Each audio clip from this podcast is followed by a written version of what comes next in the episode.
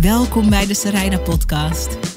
Dit is de podcast voor ondernemers die ready zijn om bedreven verhalenvertellers te worden. Wat moet je van jezelf laten zien, zodat de mensen voor wie jij een verschil kan maken echt snappen wie je bent en wat je kan betekenen voor ze? Dat is waar ik je mee inspireer in deze podcast. Simpele tips, tools, inspiratie en ik zet je aan het werk. Leuk dat je er bent.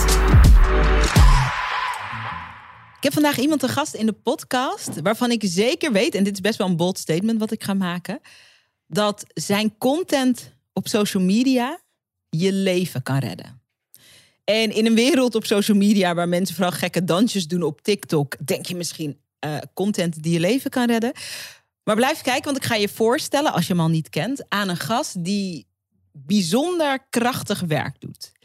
Richard, Richard Delet, welkom. Wat een introductie. Een leuke intro, Dankjewel, hè? ja. Voor de twee mensen in Nederland, misschien zijn het er meer die jou nog niet zo goed kennen. Um, Richard Delet, dokter Anders in de geneeskunde. Oprichter van uh, een aantal topbedrijven, miljoenen bedrijven, waaronder Oersterk, Vitaly en Oersterk Coaching. Uh, je bent een influencer. En influencer is een beetje een lichtwoord, moet ik zeggen. Maar je bent echt iemand die vanuit je zienswijze op gezondheid uh, mensen anders kan laten kijken naar hoe ze omgaan met hun lichaam, hoe ze omgaan met hun mind, wat ze in hun lijf stoppen. Uh, je zet social media daar op een hele krachtige manier voor in. Instagram en Facebook zijn daar niet altijd even blij mee, de manier waarop jij je uit. Um, en wat ik tof vind, uh, ik vind het super tof dat je er bent, maar wat ik krachtig vind, en daar gaan we het over hebben, is dat je um, in een best streng vakgebied, hè, de geneeskunde, gezondheid, in een tijd waar het uh, ook wel spannend is om je echt uit te spreken in wat je echt belangrijk vindt, dat je dat toch doet. Uh, dat kost je wat. Het levert je ook wat op.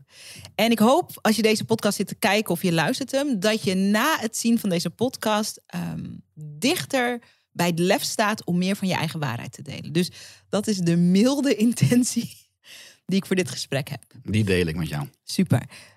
Um, behalve dat je je grote bedrijven hebt, uh, schrijf je boeken. Je hebt tien bestsellers geschreven. Ik weet de eerste keer dat ik dat hoorde, dacht ik tien bestsellers. En het elfde boek komt eraan. Ja.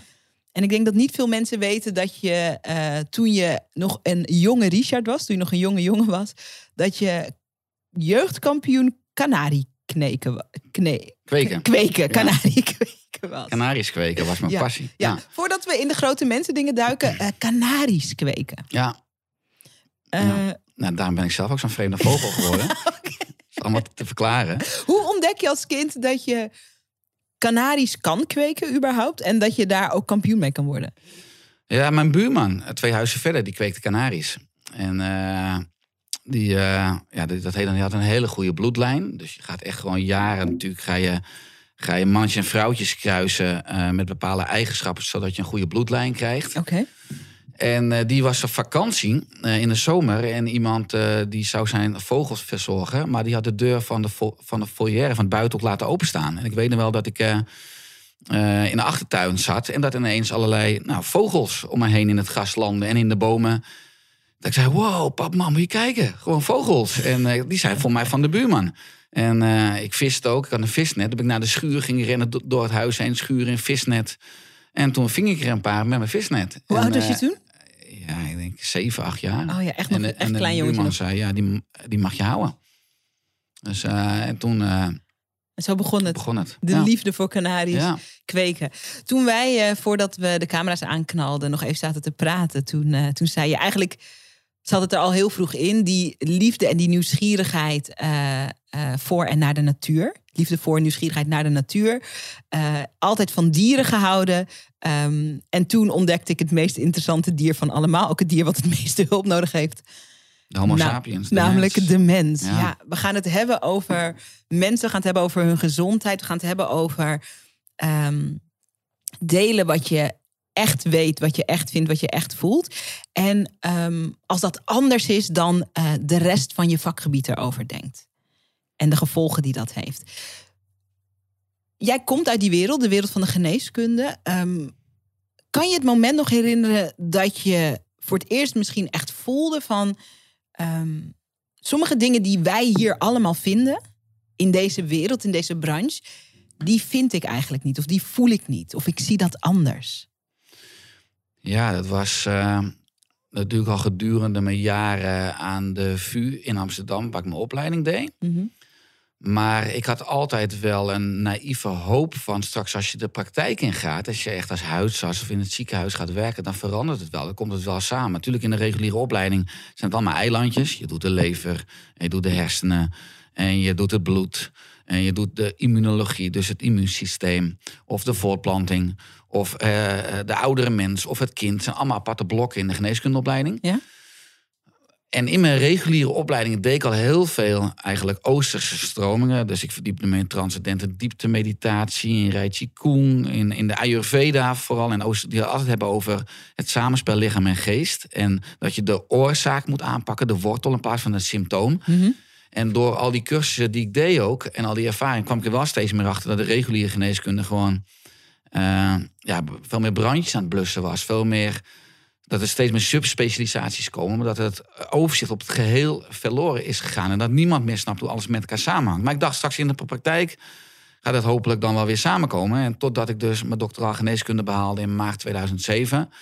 En daarop ging ik uh, ook werken in het ziekenhuis in Amsterdam. Op een gegeven moment belandde ik in het medisch centrum Alkmaar. was al een opeenstapeling eigenlijk van dat ik merkte van... Uh, ja, uh, het beeld wat ik als kleine jongen had van het arts zijn, waarom ik graag arts wilde worden, Mhm. komt echt dus niet overeen met de werkelijkheid. Want wat was dat beeld? Jij wilde arts worden. Eh, allereerst waarom? Want je wilde mensen helpen of Ja, redden. Of ja. hoe zat dat in elkaar? Nou ja, toen mijn, eh, op de middelbare school, ik als, toen ik op de basisschool wilde ik dierenarts worden. Maar de middelbare school verschoof dat dus naar de mens. Was ook in de periode dat eh, ik had één opa en oma, die werden beide ernstig ziek. En die Mm. overleden ook. En die lagen beide in mijn middelbare schooltijd op een sterfbed. En ik voelde me enorm machteloos dat ik bij hun was en zat. En dat ik mijn opa en oma, waar ik enorm veel van hield, zag lijden. Dat ik toen al, ik ben toch wel een beetje een, een soort fixer iets in me van... Oh, balen dat ik nu geen arts ben. Want als ik arts ben, dan kan ik ze minder laten lijden. Of ik kan ze misschien wel beter maken. Dus daar ontstond Mm. dan een beetje een droom. En vanuit die machteloosheid, dat dacht ik, ja, zo wil ik me niet voelen. Dus dat is wel een enorme impuls geweest om veel meer ook richting het arts zijn te gaan. En als, eh, als, als je daar iets over wil delen. Zij werden allebei ziek. Eh, Kanker, wa- ja. Allebei kanker. Ja. Wat voor soort kanker? Nierkanker. Eh, mijn oma en mijn opa ook een vorm van longkanker. Oh ja. Nu, ik weet niet of dat bij jou zo was. Jij zat op de middelbare school. Mijn vader die is ook overleden aan kanker, aan longkanker. Ehm, toen was ik wel al volwassen. Het, ja, 2014, dus dat is nu acht jaar geleden. Dus ik was toen 32. Ik weet dat, eh, laat ik het zo zeggen, mijn ervaring als iemand aan het sterven is aan kanker, dat eh, dat kan heel snel gaan. Ehm, wij hebben in de tijd, de korte tijd, hij was snel dood. Ehm, en hij had het ook heel zwaar. We hebben toch nog best wel wat gesprekken gevoerd over het leven. Die ehm, mij wel echt ook gevormd hebben. Is het destijds een gesprek geweest met een opa of een oma? Toen, jij, eh, toen ze allebei zo ziek waren. Die die sprong help, hielpen maken. Want ik vind het zo'n ik vind het een bijzondere sprong dat je dan zegt: ze zijn ziek en ik wil arts worden. Want je kan zoveel denken. Je ja, kan. Het verlangen was er al een beetje, maar het wel enorm versterkt om die kant op te gaan. Oh ja, hoorde daar een bepaald moment bij? Of een, bepaalde, een bepaald gesprek? Of was het meer die hele ervaring? Ja, ik denk, want in de familie praten we nooit zoveel met elkaar. In de Mm. familiecultuur, zeker niet als het gaat over, over echt eh, emoties, eh, je verlangen, je Mm. diepste zielenroerselen. Mm. Dus dat vanuit kleinkindoptiek, opa en oma, was denk ik vrij oppervlakkig. Maar wel veel met, met mijn oma wel het gevoel in het aankijken, in de knuffels, in het interesse tonen. Mhm. Eh, ook als iemand dan normaal ja, net aanspreekbaar is. Hè, eh, of er eventjes een goed moment hebt dat ik er even bij mocht. Ja, dat vond ik wel enorm waardevol. Ja. Jij zag dat je dacht, eh, eh, hier wil ik iets eh, in gaan doen. Mhm. Je doet die opleiding. Die opleiding is anders dan dat je wil. Je denkt, ik kom in de praktijk en dan, dan gaat het gebeuren. Mhm. En het gebeurde niet. Wat miste je? Heel veel tijd om met mensen door te brengen. Ik hou van mensen. Dus om naar de wortel te gaan van een probleem heb je tijd nodig. Nou, je hebt acht minuten in de geneeskunde. De huisarts, je het werd wel uh, bekende 10 minuten gesprek. Je ja, maar binnen ook, en, het ziekenhuis hoor. Is, oh. is de tijd beperkt. Het is ook druk. Ja. Ik bedoel, dat is, de wachtkamers zijn altijd vol. Ik had het gevoel, zeker als je geneeskunde studeert, ben je hele lange dagen in het ziekenhuis. De wachtkamers zijn altijd vol. Dus ik dacht, de hele wereld is ziek, want de wachtkamers zijn nooit leeg. Ja, ja. Uh, in je toolkit is beperkt. Juist omdat ik andere visies had, dacht ik, ja, je zit toch een beetje in een keurslijf van de farmaceutische industrie. Je kan medicijnen geven, je kan het wegsnijden of je kan niets doen. Je zegt vaak, kijk nog, maar een weekje aan of we kunnen niets meer voor je doen. Maar de mogelijkheden zijn heel beperkt. Dus ik wist alles eigenlijk over ziektes. Ik wist alles over de dood. Want ook dat ik mijn eerste jaar geneeskundeopleiding deed. Ging ik werken in de, in de waakzorg. Dus ik ging iedere vrijdagavond om 11 uur moest ik beginnen bij iemand die op sterven lag. Tot, tot, tot 7 uur s morgens, dus nachtdienst. Ik heb drie, 400 mensen op een sterfbed mogen begeleiden. Wow. En dat zijn ook echt wel ervaringen geweest waar je meer met mensen communiceert. Dat ik de waarde van leven. Ja, wat doet dat met je om eigenlijk 400 mensen te zien sterven? Ja, dat is heel heftig. Ook in mijn eerste jaar geneeskunde moest ik ook stage lopen in de Rode Kruisziekenhuis in Beverwijk op de oncologieafdeling. Dus ook allemaal mensen met kanker. Ook jonge mensen, mensen van mijn leeftijd. Dus het zijn wel weken geweest dat ik enorm van nachtmerries had. Dus dat ik oh, het bewust dacht van ik kan het prima handelen. Dus heel erg ook rationaliseren. Gewoon ook dus een emotioneel deel afblokken. Maar uh, ja, ik heb daar enorm mee geworsteld. Ja, ja. ja. Zo, we gaan zo een sprong maken uh, naar hoe je nu kijkt en hoe je nu werkt. Ik ben wel nieuwsgierig als je zegt, ik had daar nachtmerries van. Uh, waar, waar gaat zo'n nachtmerrie dan over? En de reden dat ik het vraag is dat... Um, ik heb mijn vader zien sterven. Ik was ook bij toen hij doodging. Toen hij letterlijk zijn laatste ademteug nam. Um, ik heb daar geen nachtmerrie van, maar het staat me wel zo op mijn netvlies gebrand dat ik kan zo mijn ogen dicht doen en dan, en dan, ben, ik, dan ben ik er weer bij. En dat moment, zo die laatste, zo die. Dat, en dat je iemand zo ziet sterven. Uh, het was heel heftig. Het was, ook, het was ook mooi, maar het was omdat hij veel pijn had en je zag het mhm. lijf ook weer ontspannen en hij was dood. Um, maar als ik een nachtmerrie zou hebben, zou het denk ik die scène zijn. Waar, wat, waar droomde je dan over in de nacht? Als je zegt, ik had er nachtmerries van. Ja, ik betrok het ook wel heel erg op mezelf. Kijk, toen ik jong was, was ik enorm angstig. Ik was enorm onzeker. Ik stotterde enorm. Echt, ik kon geen zin normaal uitspreken. Ik had logopedie. Ik was ook bang thuis om de telefoon op te nemen, want ik kon Richard niet zeggen. Dus ik kon, kon mijn naam ook niet uitspreken. Uh, dus ik had altijd al een soort, ja, ook angst bijna al om te slapen. Omdat ik, ik ben enorm een controlfreak geworden. En als je gaat slapen, dan moet je nou, je hart, je lichaam moet je, moet je overgeven. En je moet het loslaten. Aan slapen, ja. Uh, dus uh, ook ben ik wel... Dus aan de ene kant werd ik wel wat banger ook om dood te gaan. Want ik dacht, als alle jonge mensen ook doodgaan of ziek worden... misschien word ik ook wel ziek of ga ik ook wel dood. Of, uh, en ik wil nog niet, nog niet dood. Dus het hele leven, dat is natuurlijk de grap, is natuurlijk een spiegel van jezelf. Dus mm. uiteindelijk is, zijn al die ervaringen natuurlijk ook een uitnodiging geworden... om ja, wat meer uh, nou, innerlijk werk te gaan doen en zelf wat vrijer te worden. En dus er niet meer voor weg te lopen, want dat deed ik zeker niet. Ik ben me extreem gaan onderdompelen voor een onderwerp waar ik bang voor was. Dus, ja, ja, ja. Uh, en me onder bewustzijn of dat proces of ook gewoon ja, dat omarmen. En ook de gesprekken die ik wel had met mensen op het sterfbed, die zijn voor mij heel waardevol geweest. Over gemiste kansen, over liefde, over mm. uh, nou, vaak ook echt letterlijk naakt in bed. Maar ook omdat ze geen masker meer hadden, maar ook omdat kleren of op de huid vaak te pijnlijk was. Ja, ja, ja, ja. eigenlijk op die manier heel dicht bij de essentie, toch ook van het leven. Ja, en daarmee hebben we wel gaan erkennen dat uh, heel veel dingen die mensen, of ik ook nastreefde aan spullen en uiterlijk vertoon is veel eerder ook ruis en afleiding van de essentie. In het einde van je leven draait het om ervaringen, om relaties, om liefde, om of je trouw bent geweest aan, je eigen missie of aan je eigen hart. Of, aan, of je datgene in de wereld hebt gedaan, toegevoegd hebt aan het grote geheel, waarom je hier een evolutionaire flits aanwezig mag zijn. Ja, interesting. Ik vind het straks leuk om even te praten over wat je nu tussen neus en lippen benoemt. Mhm. Namelijk dat je enorm gestotterd hebt, zo heftig dat je je eigen naam niet kon zeggen, dat je de telefoon niet kon opnemen. Waarom ik dat boeiend vind, is omdat het is nu een heel groot onderdeel van je werk om je uit te spreken. En dan ook nog wel over topics die sommige mensen ervaren als taboe topics. Dus die sprong van Richard die de telefoon niet kan opnemen tot Richard die nu ook via social media de wereld toespreekt. Uh, dat, dat, vind ik, uh, dat vind ik heel boeiend. Ja. Dus daar gaan we zo naartoe. Oké. Jij hebt je uh, je bent een geneeskunde student, je bent afgestudeerd, je gaat die praktijk in. Het is niet wat je wil dat het is. Ondertussen maak je van alles mee. Je leert over het leven en de dood.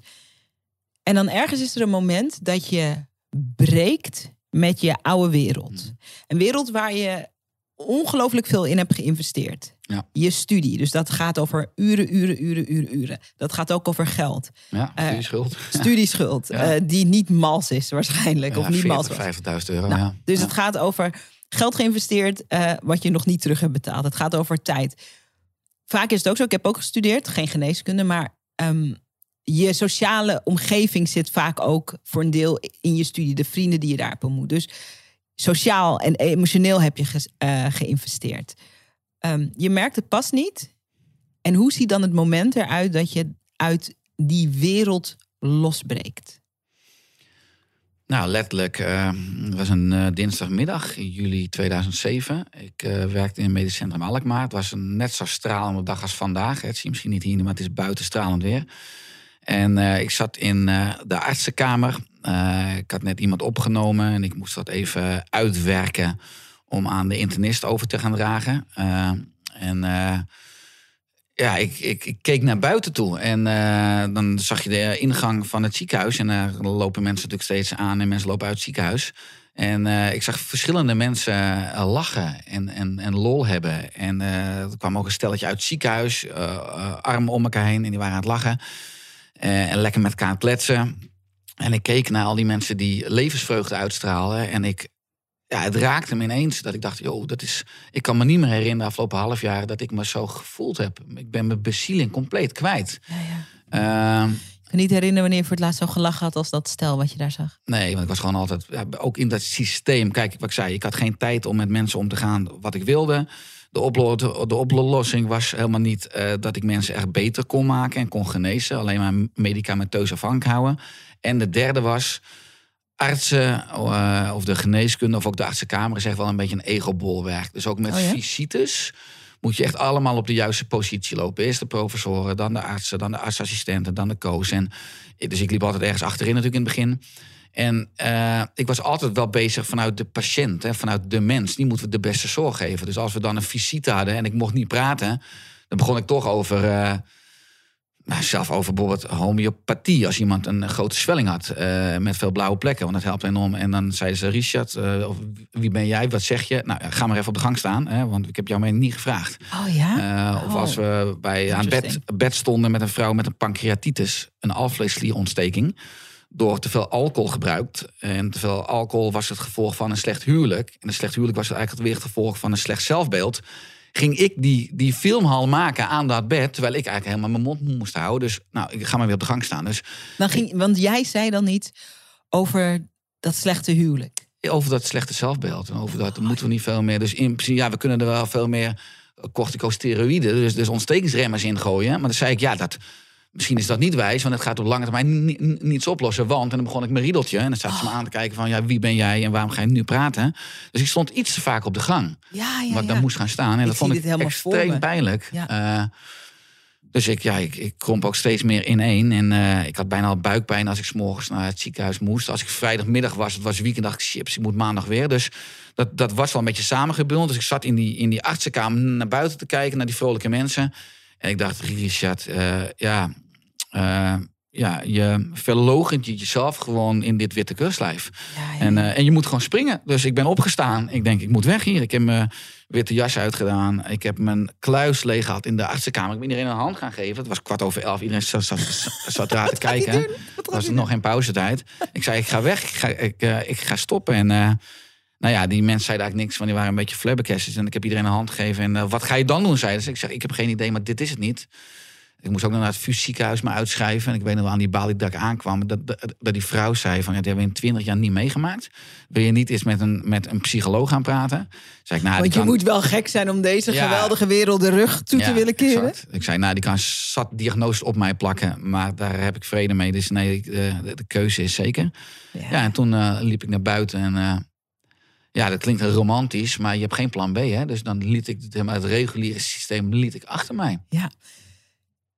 Ik weet zeker dat er mensen nu zitten te kijken die dit gevoel, of ze nou die actie erop onder hebben ondernomen, eh, dat is een tweede, maar die dit gevoel herkennen. Even op de tijdlijn. jij maakt deze bold move, die eigenlijk eh, ook een soort. Het moet haast wel. Ehm, ben jij al getrouwd? Heb je al kinderen? Waar zit je in je soort levenspad? Terwijl Ja, je deze keuze maakt. Want dat, die context maakt natuurlijk wel ook uit. Ja, eh, twee maanden daarvoor eh, ben ik getrouwd. Eh, toen heb ik dus ook drie maanden ben ik toen niet gaan werken in de geneeskunde. Ben ik ander werk gaan doen om geld te verdienen ook voor onze bruiloft. Maar mijn vrouw, dat is echt wel belangrijk, was echt wel een steun die gewoon al, al daarvoor zei: "Rie- Ries, stop nou, spring nou. Ga nou Oh, je wat hart volgen. Ik zie al tijden dat je ongelukkig bent. Maar ik hechtte veel te veel waarde ook aan status, aan, aan die witte jas. Kijk, het is natuurlijk heel grappig als je, als je, vond ik dan enorm interessant, als je het ziekenhuis komt inlopen en je hebt dienst, dan heb je gewoon je normale kleren aan, je normale jas. Dan ben je gewoon een mens. Niemand groet je, je bent niet interessant. Je gaat de artsenkamer in, je hangt je jas op en je trekt je witte jas aan. Je doet je stethoscoop om en je hebt je dingen in je zakje en je loopt naar buiten toe in de artsenkamer en iedereen groet je. hè. Iedereen zit Oh, ja? Hey dokter, hey dokter. Dus dat was Oh ja? voor mijn ego. Dat vond ik toch, ja, Ja. onbewust vond ik dat enorm belangrijk. Ik vond het ook heerlijk. Interesting. Een soort, een soort, een soort, een soort fame, een soort faam, Ja. een soort. Ja. eh, Ja, ik deed het toe. Ja. Ik werd eh, gezien. Dus dat, dat gaf je ook op natuurlijk. Door die keuze te maken van... eh, ik hang die witte jas in de wilgen. Dus, maar mijn vrouw, dat is altijd een, een rots in de branding geweest, zei... ja, die zei eigenlijk... Die stimuleerde me enorm. Want vanuit mijn eigen programmering had ik het veel minder snel gedaan. Ja. Oh, er zijn zoveel dingen die je bespreekt die ik wil aanraken. Als je dit zit te kijken of zit te luisteren, er zit zoveel wijsheid in. Ik moet aan drie dingen denken als jij dit zo vertelt. Ik moet denken aan een uitspraak van een Amerikaanse ondernemer, James Altucher, hele interessante ondernemer, die ooit zei: de belangrijkste businesskeuze die je ooit zal maken is wie je partner is. En wat jij omschrijft is echt, wat is er mogelijk? Hè? Inmiddels, we gaan het zo ook hebben over hè, tien bestsellende boeken. Elfde boek komt eraan. 500.000 boeken verkocht. Dit al, komt allemaal daarna. Eh, je gaat binnenkort eh, een jaar in het buitenland wonen met je gezin, omdat dat gewoon kan. Eh 1 miljoen mensen op de website per, Per jaar. per jaar. Crazy. Ja, sommige maanden ook, maar ja. En hoe belangrijk het is dat er iemand in je corner staat ook. Hè? En als je niemand hebt, dan moet je dat dus voor jezelf zijn. Iemand die zegt, jouw geluk is belangrijker dan alles wat je hebt opgebouwd en je status en het geld. Dat is echt heel bijzonder. Ik had het, toen ik wegging bij de tv, ik had het in de vorm van mijn vader. Mijn vader die leefde toen nog. Mijn vader is, was een soort gekke professor. eh, dokter Anders in de schei in de natuur en de wiskunde. Eh, leraar, echt een gekke professor. En, en die stelde mij. Ik hield altijd van mijn werk. Dus wat wij nu doen, hè, ik interview jou. Dit is mijn podcast. Mhm. Dat was altijd mijn, mijn lievelings. Ik wil praten met mensen. En de camera is een soort paspoort. Ik kan, met, ik kan alles vragen. Nou, die magie is eigenlijk voor mij wat de tv. Wat ik wilde zoeken in de tv-wereld. Maar die tv-wereld zelf, nou ja, er komt nu ook steeds meer en meer over uit. Vond ik niet zo'n prettige wereld. En mijn vader die vroeg mij de hele tijd, maar wat wil je beleven? En dat was zo'n baanbrekende vraag. Dus niet wat kan je tolereren of eh, maar wat gebeurt er dan als je weggaat? Of eh, nou, het is een droombaan in ieder. Maar wat wil je beleven? Dat is, dat, da- daarmee heeft hij bij mij heel veel eh, in werking gezet. En durfde ik ook weg te gaan. Mhm. Dus daar moet ik ook meteen aan denken. En ik had ook zo'n soort, ik had zo'n soort moment als wat jij had. Dat je zo naar buiten keek en dat je dacht, huh, ik had dat. Toen, ehm, ik werkte al een paar jaar bij BNN. En toen kwam eh, mijn lieve BNN-collega Tim Hofman kwam werken. En Tim was zo idealistisch nog, is hij nog steeds. En zo ehm, echt onbevangen en heel ambitieus. Toen was hij nog niet boos. Hij was toen nog niet boos. Of nou ja, die, nou ja, zijn programma's zijn echt een verlengstuk van, Mhm. van wie hij is. Maar dat, die, dat vuur zat erin. En ik herkende zo toen hij binnenkwam. Ik herkende zo dat makersvuur. Maar, maar ook dat het dus, merkte ik, helemaal fucking uitgeblust gewoon. Ik ben helemaal uitgeblust. Ik zag hem en we hadden een leuk gesprek. Ik weet eigenlijk helemaal niet of hij dat weet. En, en toen dacht ik, ik zit hier niet op mijn plek hoor. Zo'n soortgelijk moment. En dan, en dat is nog wel interessant. Heel veel mensen ervaren dat. En doen niets. Denken, fuck, ik ga gewoon naar huis. Ik ga aflevering 80.000 van die ene Netflix-serie kijken. Ik trek een fles wijn open. Ik bestel vreten of ik, ga dat, of ik maak het. En, en ik stap daar overheen. Jij bent er toen jij hebt het moment gepakt en toen had je geen plan. En wat was toen het eerste wat je deed? Je ging naar huis, je vertelde tegen je vrouw. Ja, ik was natuurlijk veel uh, eerder thuis dan gepland. Dus wat kom jij doen? Nou ja, die, eh, die was trots. Die zei goed, Wat goed fijn, gedaan. wat en, eh, fijn. ja, wat jij zegt, heel mooi, dat je vader stelt van wat wil je beleven. Eh, ja, dan moet je ook dingen beleiden. En, en er zit het woord lijden in. Dus ik denk dat je. Ik heb heel veel respect gehad voor het lijden. Als je echt de weg van je hart wil volgen, Mhm. eh, dan moet je ook weer allerlei conditioneringen, allerlei lagen om je kern weer openbreken. En wat je zegt, ook heel veel mensen leven op het niveau van een oerbrein. Het oerbrein is de comfortzone. Dus eh, het kiest altijd voor het bekende. En het oerbrein heeft een beetje de programmering. Liever bekend en ongelukkig. Ja, ja, ja. ja, Heel veel mensen zitten in de verkeerde relatie, in de verkeerde baan, wat je zegt. Dan het onbekende, maar wel gelukkig kunnen worden. Dus dat is een er- enorme paradox. Dat mensen nou, een, een enorme nare situatie of gewoon het verkeerde energiemanagement accepteren. En inderdaad zich gaan verdoven met andere middelen. Omdat je onbewust wel weet van, Het, het werkt ik, niet. ik moet een stap maken. Ja. Ja. En je zegt heel mooi, het is vaak ook onbewust. Want wat ik nu noem, hè, ik bedoel, ik heb ook dagen hoor, dat ik eh, denk, nou, en nu ga ik Netflixen. Dat, ik, tuurlijk. En ik denk niet altijd van, nu ben je iets aan het verdoven. Soms, dus het, het moeilijke ervan is, is dat ehm, heel veel van wat eh, verdovingsmechanismen zijn, zijn super geaccepteerd in de samenleving. Hè, eh, elk weekend naar de kloten gaan is super Ja. geaccepteerd. Elke dag alcohol drinken is super geaccepteerd. Eh, jezelf eh, volvreten en Netflixen. D- Dingen die ik ook doe, hè, is super geaccepteerd. En Ja. De maatschappij rolt zelf een, ro- een rode loper uit naar al die verkeerde leefstijlkeuzes. Ja. ja, of de, de, de keuzes die je ehm, ook weghouden van de pijn die je soms nodig hebt. Om ook echt te shiften en te switchen. Ik wil een sprong maken. Ehm, als, laat- als laatste toevoeging, wat, ik dus heel interessant vind. De maatschappij wil niet dat je gelukkig bent. Want als je gelukkig bent, hmm, dan zit je helemaal in jezelf. Hè, dan ben je. En dan heb je niets nodig en dan stop je met consumeren. Maar de maatschappij wil ook niet dat je gezond bent. Want ziekte is een fantastisch verdienmodel. En de, de natuur valt niet te patenteren. En dat inzicht alleen al, Mm. nou, dat maakt je al een stuk vrijer. Dat je in gaat zien dat je zelf verantwoordelijk bent voor je gezondheid. En dat niemand je komt redden. Ja. De laatste twee, drie jaar ook meer dan ooit krachtig hebben ervaren. Ja, oh, er zijn zoveel dingen die we hierover moeten bespreken. Een aantal van de dingen die jij nu noemt, niemand komt je redden. De maatschappij is er niet om jou gezond te houden. Dat moet je zelf doen. Eh, ziek zijn en ziekte is een businessmodel. Dit, een aantal van die dingen en nog veel meer is de reden dat jij wel heel populair bent op Instagram en op eh, social media, want je deelt je zienswijze. Maar het is ook de reden dat eh, als ik een foto maak van ons en ik zeg Richard de Let was vandaag hier in de podcast, dat ik jou niet kan taggen. Mhm.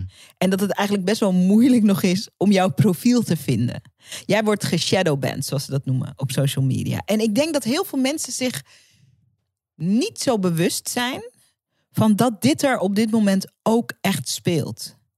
Jij wordt gecensureerd. Nou ja, gecensureerd. Maar je wordt. Je wordt ehm, ja, hoe zou je het zelf omschrijven? Wat, wat, wat gebeurt er eigenlijk met jou? Je groeit op Instagram. Mensen willen jouw content zien. Ja. Ehm, het is hele impactvolle content, merk ik ook bij mezelf. Omdat in, je hoeft het niet eens eens te zijn met jou, maar het laat je nadenken. Mhm. Het laat je echt nadenken. Het verdooft niet, het laat je nadenken. Ehm, en Instagram en Facebook zijn er niet blij mee. Waar merk je dat aan? Ja, de shadowban natuurlijk concreet dat ik ja, van 5000 volgers normaal per maand groeide. Nu is dat nul. Ja, dat je niet meer te vinden bent. Of je moet heel veel moeite doen, wat natuurlijk bijna niemand doet. Maar ja, dus je kan dat... Je bent niet te taggen. Heb, Nee. je, heb je de functies die alle mensen hebben? Kan je links plaatsen en zo? Ja, want dat wel. wel, ja. Oké, ja, want dat verschilt ook. wel eens per week. Ja, oh ja, oh ja, ja. Nee, maar ja, kijk, ik kan het natuurlijk dan eh, presenteren nu als slachtoffer. Maar ik probeer altijd dan, want er bestaat alleen maar liefde. Dus dit eh, is een nadeel. Denk, waar is dan het voordeel?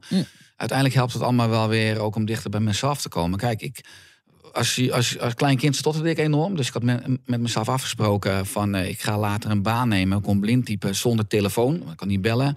Media zal ook nooit wat worden. Daarom vind ik nu dat ik hier kan zitten. Maar ook mijn eigen podcast en dat soort dingen. Ook, ook nationale media waar ik ben geweest. Vind ik echt een overwinning. Hè? Want ik had nooit verwacht dat ik daar zou kunnen zitten. maar ook gewoon dat eh, het, gaan praten. Mijn eerste presentatie was in 2011 in de woonkamer van mijn opa en oma. Voor wat broers en zussen. Nou, al drie weken niet geslapen en zweetoksels. En ik heb een uur een presentatie gegeven als een hechter die in de koplamp van de auto kijkt. En einde vroeg ik aan mensen. En hoe vond je het? Wat zei ik? En, en, ik had ook feedbackformulieren gegeven aan mijn, aan mijn familie. Heb ik nog, nog steeds overigens. Waar ging die presentatie over? Gewoon dat was een oefenpresentatie. Ja, het was wel dat ik met deze onderwerpen bezig was. Want eind 2011 besloot ik om een vol te gaan schrijven... wat dan mijn eerste boek werd in 2012. Oersterk. Dat werd dan als vrij snel een bestseller. Maar ja... Dus ik ben ook, ja, ook als je het hebt over voor groepen praten, of ook in nationale media praten, of mezelf uiten op, op, op social media. 27 jaar van mijn leven heb ik nooit een eigen stem gehad. Dus dat is eigenlijk het gif geweest. Omdat ik het belangrijkste vond dat iedereen mij aardig vond. Oh, dit is zo, Risa, ik ben zo blij dat je dit noemt. Ja. Dit is zo belangrijk. Dus onbewust was ik altijd aan please. Als mensen echt aan mij vroegen, belangrijke onderwerpen, wat vind jij? Zeg ik, ah, goede vraag. Uh, wat vind jij? Paas ik de bal terug, gaf mensen anders. Zei ik, precies, dat vind ik ook. Oh, ja. Dat was mijn overlevingsstrategie. En ja, dat heb ik moeten doorbreken. Totdat ik op een punt ben gekomen nu. Ik, ik wil gewoon mijn eigen waarheid uitspreken. En ook al gaat iedereen me ontvolgen of begrijpt niemand me. Als ik aan het einde van de dag in de spiegel kan kijken. En weet, Ries, je bent trouw geweest aan je kernwaarden en aan je principes. Want dat ben ik. En ik weet zeker dat ik gelijk ga hebben als je het hebt over dan mijn maar de waarheid over de ook corona-onderwerpen waar ik me over uitlaat. Ook onder andere bij Jinek, hè, waar ik dan uh, laatst nationaal mocht aanschuiven. Uh, ja, ook dit is zo'n belangenveld. En dat gebrek aan ethiek vind ik zo verschrikkelijk schrijnend. Ja, dus dan weet ik, oké, ik kan beter niet zeggen. Want als ik misschien hierover wat ga zeggen, dan heb ik een shadow ben. Maar dat accepteer ik dan maar. Ja, wat ik hier uithaal, ik zit echt heel aandachtig naar je te luisteren. Ehm, en ik denk voor onze kijkers en luisteraars, uh, als je dit meeneemt, uh, dan heb je al mega rijkdom uit deze podcast te pakken. Wat ik zo cool vind, is dat je zegt: ik had 27 jaar geen stem. Of ik stond mezelf dat niet toe, of ik kon dat niet. Of nu heb ik een stem. En nu gaat het er alleen maar om dat ik me uitspreek. Mhm. En wie volgt, die volgt. En wie leuk vindt, vindt leuk. En wie niet leuk vindt, vindt niet leuk. En wie shadow bent, die shadow bent. Maar ik heb uh, die stem in te zetten. Waarom is het voor jou zo belangrijk uh, om je stem in te zetten. Als je dat even helemaal afpelt. Ik weet waar je in gelooft. Mhm. Daar kunnen we straks ook nog meer over hebben. Ik weet dat het anders is dan de branche en de wereld waar je uitkomt. Het is een afwijkende zienswijze. Maar waarom is het voor jou zo belangrijk? Want het had net zo goed zo kunnen zijn. Je had net zo goed voor altijd die pleaser kunnen blijven. Ja, kijk. Uh, Wat vind jij? Ja, dat vind ik ook. Uiteindelijk is het mijn ultieme missie om de aarde vitale door te geven aan de volgende eh, generatie. Dat is de basis bij alles wat ik doe. In dit geval, ik heb twee zoons, Noah en James. Ik wil de aarde vitaler aan hen doorgeven. Dus iedere keuze die, die ik maak, leg ik in die onbewust langs die lat. En we hebben drie huizen. En de meeste mensen die betalen hypotheek of huur. Maar dat is eigenlijk het derde huis. Het tweede huis is je lichaam, waar je dit leven mag in reizen. En het eerste mhm. huis is de aarde. En als je kijkt hoe we nu omgaan met de aarde, dus het eerste huis en met ons lichaam, ons tweede huis, is het roofbouw. En die verbanden zie ik en snap ik, die bijna niemand snapt. Want de officiële instanties, ook medisch, richten zich vooral op veiligheid van buitenaf. Hè, dus naar afstand houden, was of mondkapjes of, of, of vaccins. Maar ik zeg al continu, richt je nou op weerbaarheid van binnenuit. Want een virus is echt geen probleem in dit mhm. geval. Hè. Het is van een verzwakte gastheer. Laten we nou met voeding en leefstijl, maar laten we ook veel meer gaan denken in ecosystemen en kringlopen. Zodat we als mens zijn we ook een stukje aarde. Dat we als mens en als aarde sterker worden en deze roofbouw gaan onderzoeken. De missie is eigenlijk heel erg groot, misschien veel te groot. I love that. Dat is wel mijn primaire drijfveer. Ja, I love that. Want ik denk ik wil echt duizend dingen zeggen. Het is, wij hebben, spreken elkaar natuurlijk ook wel eens, zeg mhm. maar, als er geen camera's bij. En dan, ik heb weer hetzelfde. Ik heb altijd dezelfde reactie bij jou. Ik, ik, zit eigenlijk zo. Ik wil eigenlijk allemaal dingen zeggen en vragen. Dat heb ik nu ook weer. Die grote, die krachtige missie. Die missie die eigenlijk als een soort magneet um, aantrekt wat het aan moet trekken. En ook afstoot wat het af moet stoten. Hoort er een moment bij dat die missie voor jou zelf duidelijk werd? Want ik denk veel mensen die worstelen met hun zichtbaarheid. Ja. Uh, worstelen met hun zichtbaarheid omdat het niet intern duidelijk genoeg is. Waar gaat mijn zichtbaarheid dan ook over? Dus jij zegt, mijn missie is, ik heb eh, deze planeet en de mensen erop vitaler achter te laten voor de volgende generatie. Dat is een Ja. mega grote missie. Ja, en, dan En je komt- wil een miljoen ja, mensen. precies. concreet via 1 miljoen mensen de juiste kennis en de juiste handvatten Ja. geven. Want met die miljoen kunnen we al goed startpunt hebben. Ja, nou, dat is een grote missie. Kan je het moment nog herinneren dat deze missie woorden kreeg in je systeem? Of beelden of een gevoel? Ja, dat is een belangrijk kantelpunt geweest eh, in mijn leven. Dat was in, eh, in 2014. Eh kwam mijn derde boek uit, Oerstek Leven. 21 oktober 2014 zat ik s'avonds bij RTL Late Night. En eh, einde ochtend had ik een eh, live interview op Radio 1. En ik had toen een praktijk voor integrale geneeskunde in Heemskerk. In, in een deel van het huis wat ik huurde van opa en oma. Die hadden een deel van hun woonkamer en hun slaapkamer. Had ik praktijk en daar had ik een muurtje. Dus daar, zo ben ik in een familie helemaal begonnen met mijn praktijk voor integrale geneeskunde. En ik eh, had een interview met Radio 1 en dat spreek je dan die week ervoor helemaal door. Hè. En het was een hele leuke sfeer. En, eh, Ja, nou, wacht, ja, ik val je heel even bij. Ja. Dus even wat context. Dus Radio 1, super gerespecteerd eh, radiostation. Eh, voor mensen die nog nooit geïnterviewd zijn. Op het moment dat je vanuit je expertise daar te gast komt. Dan wordt er een voorgesprek gedaan. Dat Ja. doet een redacteur. En dan bespreek je, dit zijn de topics. Hier gaan we het over hebben. Dit is Ja. wat je ongeveer kan verwachten. Zodat je je als spreker en als Ja. expert kan voorbereiden. Ja. Was gebeurd. Ja, eh, dat was helemaal heel leuk, prettig. Dus ik was natuurlijk eh, zenuwachtig, want ik had nog niet zoveel mediaervaring in Radio 1. En er stond zo'n bus voor mijn eh, praktijk. En die kon ik zien vanuit mijn raam zo. En dan ging zo'n antenne van 15 meter helemaal omhoog. En ik dacht, jeutje. En helemaal net als dit, zo met koptelefoons. En het Radio 1 logo op die microfoon. En ik dacht, wauw. It's happening. Je. we. nou, het begon, dus eh, de intro. En ze gaan me aankondigen en zeggen... nou, dit is de man die zijn de- derde boek heeft geschreven. Verdient eh, 190 euro per uur, maar toch is zijn praktijk vol. En ik dacht een beetje van... hey, is, het, is het nou een grapje? Ook een beetje met humor, weet je. Toen- Toen waren ze al een beetje aan het downscalen. En eh afijn, en het, ik vind het sowieso met journalisten. Ik heb afgelopen jaar denk ik al meer dan 500 i- eh, interviews gegeven. Alle kranten, magazines en eh, ook op televisie. Maar vaak ga je heel... ja, vind ik het een beetje standaard vragen. Moeten we dan allemaal in een hutje op de hei gaan wonen? En mogen we dan niets meer? En mogen we nou fijn. En, maar toen kwam in de uitzending, wat ik niet wist, professor Frans Kok binnen. En die was van de Wageningen Universiteit. En die hadden ze ook mijn derde boek gegeven. En nou, die Frans Kok had daar wat in gelezen en lopen bladeren. En die zei, mensen die dit schrijven, horen in de psychiatrie thuis. Wauw. En er was een professor in de. In, Wauw. En ik keek er enorm tegenop. En ik zat daar dus live, Radio 1. En eh, ik kreeg een, dus een klap in mijn smoelwerk van hem. En eh, hij zat dus niet live bij me aan tafel. Maar ik dacht natuurlijk vanuit mijn oerbrein van... Mooi, als hij nu voor me zit, dan, dan had ik Klap zich op het de bit bek. eruit geslagen, Ja. weet je. En, maar mijn mensbrein nam, nam het over en dacht... Ries, dat is niet hè, hoe je met mensen wil omgaan. En, dus je moest ook echt snel schakelen. En voor mij was ik even stil. zei ik, meneer Kok, dat zijn uw woorden. Er staan wetenschappelijke referenties achter. Dat kan u lezen, dat is uw wereld. En verder laat ik die woorden bij u. Ik was helemaal uit het lood. Het interview heb ik afgemaakt. Een beetje in een soort... eh, Een soort, in een soort waas. in een Ja. soort waas. En dat was klaar. En ik gooi mijn microfoon op tafel. Ik loop naar boven. Dan de slaapkamer wat mijn kantoor was. Daar was eh, mijn secretariaat aan het meeluisteren live. En ik ging op de grond zitten en ik kon alleen maar huilen. Hmm. En een half uur heb ik gehuild. Zo helemaal in mijn knietjes. Heel. En toen voelde ik heel sterk van... Oké, ik, wil, ik wil dit niet. Ik wil niet... eh, eh, ik kan weer terugvallen in mijn oude conditionering. Dat ik weer de hele wereld naar zijn mond ga praten. En dat iedereen me aardig vindt. Want vraag maar voor iedereen vond me aardig. Ik was sociaal en ik, en, nou, ik had overal vrienden. Uh, of ik kan accepteren dat professor Frans Kok, maar ook de hele wereld me niet begrijpt. Maar dat ik wel trouw ben aan mijn eigen stem. Oh ja. En dat is, hij is zo'n belangrijke leraar. Ik ben hem enorm dankbaar. Hè? Want uiteindelijk is alles liefde. Dat dat mij gebeurd is toen. Omdat hij een belangrijke leraar is geweest om toen de keuze te maken van... oké, ik moet gewoon trouw zijn aan mijn stem. Ja, ja, wat ga je doen? En dus ook onafhankelijk nu ook op social, het maakt me echt niet uit. Uh, Nee. iedere nieuwsbrief die ik verstuur, vroeger keek ik, heb ik zo'n 150, 200 uitschrijvingen. En ik, iedere, vroeger dacht ik, auw, auw, auw. En nu denk ik, yes, mijn lijst is weer wat vitaler. Oh, er komen mooi. er iedere week veel meer bij dan die 200, maar hè, dat is uiteindelijk groei. Maar uh, ja. Ja. je bent anders naar gaan kijken. Toen je daar op de grond zat en uh, je hield je knieën vast en je Mhm. huilde, waar, waar gingen die tranen over? Wa- Was dat... ja, onrecht. Ik vond het gewoon niet eerlijk. Ik bedoel, ik ben een, uiteindelijk echt een wereldverbeteraar. Het is een helemaal uit de hand gelopen passie dat ik nu ondernemer ben en drie bedrijven heb. Ik af en toe ook denk van, oh, waar ben ik beland? Maar gewoon ook wat ik schreef in dat derde boek, waar professor Frans Kok, waar die ook echt nu al ehm, zal erkennen van ik heb het fout gehad hoor. Want dat is inmiddels door de wetenschap nog veel meer onderbouwd waarvan hij zei. Hij, hij noemde het voorbeeld dat ik schrijf in het boek dat groente en fruit hebben een dag-nachtritme. Daarom heet de familie groente ook nachtschade-familie. De aardappel en de paprika en de tomaat. Omdat als je het s'nachts gaat oogsten en eten, dan veroorzaakt het schade.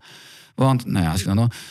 Overdag, als de zon op het hoogste punt is, zijn alle prooien in de grond. Dus er zitten heel, veel, heel weinig negatieve stofje in groente en fruit, want de prooien zijn er niet. Als de zon gaat zakken, hoe meer de zon zakt, hoe meer die beestjes tot leven komen, hoe meer ze groente en fruit kunnen aanvreten. En dan gaan groente en fruit die negatieve stofjes aanmaken. Daarmee de nachtschade. Mm. En daarom als je s'nachts plukt, moet je eigenlijk niet eten, want dan heeft ze heel veel van de negatieve stofjes. Oh ja, oh ja, ja. Dat is nu allemaal gewoon ook in de voedingsgeneeskunde allemaal geaccepteerd en ook heel logisch. Uh, maar ik vond het heel erg onrecht. Ik was ook wel bang, want ik wilde juist nog, nog steeds wel een deel in mij dat iedereen me aardig vond en Ja, accepteert. Ja, ja. Dus de pleaser is eigenlijk gestorven die dag op de vloer. Ja. Ja, ik, heb, ik, sindsdien leid, dus leid ik de pleaser. De pleaser leidde mij altijd. Maar nu is hij er nog steeds. Zegt, kom maar hier, we doen, eh, we doen het samen. Maar hij is niet meer eh, de belangrijkste deelpersoon in mij. Ja, interesting. Interesting, interesting, interesting. Daar eigenlijk de keuze gemaakt. eh, het is niet meer belangrijk. En dit is zo belangrijk. Ik denk hier ook veel over dit thema na de laatste tijd. Eh, eigenlijk heb je op dat moment ook opgegeven. En dit is voor elke ondernemer, maar voor iedereen eigenlijk, voor elke mens met een stem. Is dit gewoon een belangrijke vraag. Je hebt daar opgegeven eigenlijk het, niet het opgegeven, maar je hebt je anders verhouden tot het verlangen om begrepen te worden.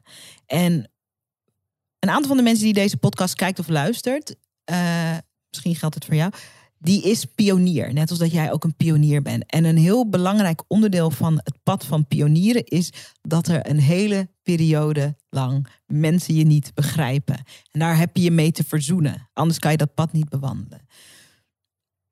Jij ging je daarmee verzoenen. ehm, ging daarmee aan de slag. Eerlijker, eerlijker, eerlijker. Mensen helpen. Er blijkt een hele grote groep mensen te zijn die jou ook wel heel goed kan verstaan. Anders kan je geen 500.000 boeken verkopen. Anders kan je niet een miljoen mensen naar je website krijgen. Anders kan je niet al die bedrijven opzetten. Dus ehm, die invloed vanuit wat je waarheid is, komt op gang. Wat kost dat? En wat levert het op? Als je kijkt naar de afgelopen tijd. Wat heeft het je gekost?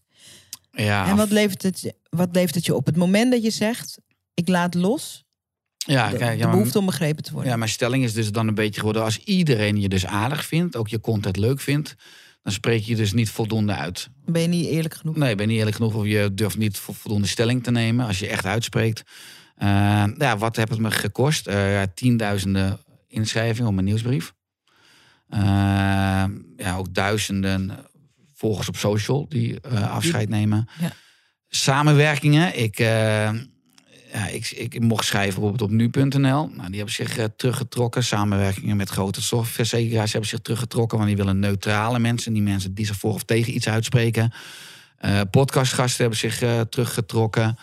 Eh, bepaalde zakelijke activiteiten, dus ook inkomsten, die trokken zich terug. Partners, eh, de, de, de, dus inkomsten.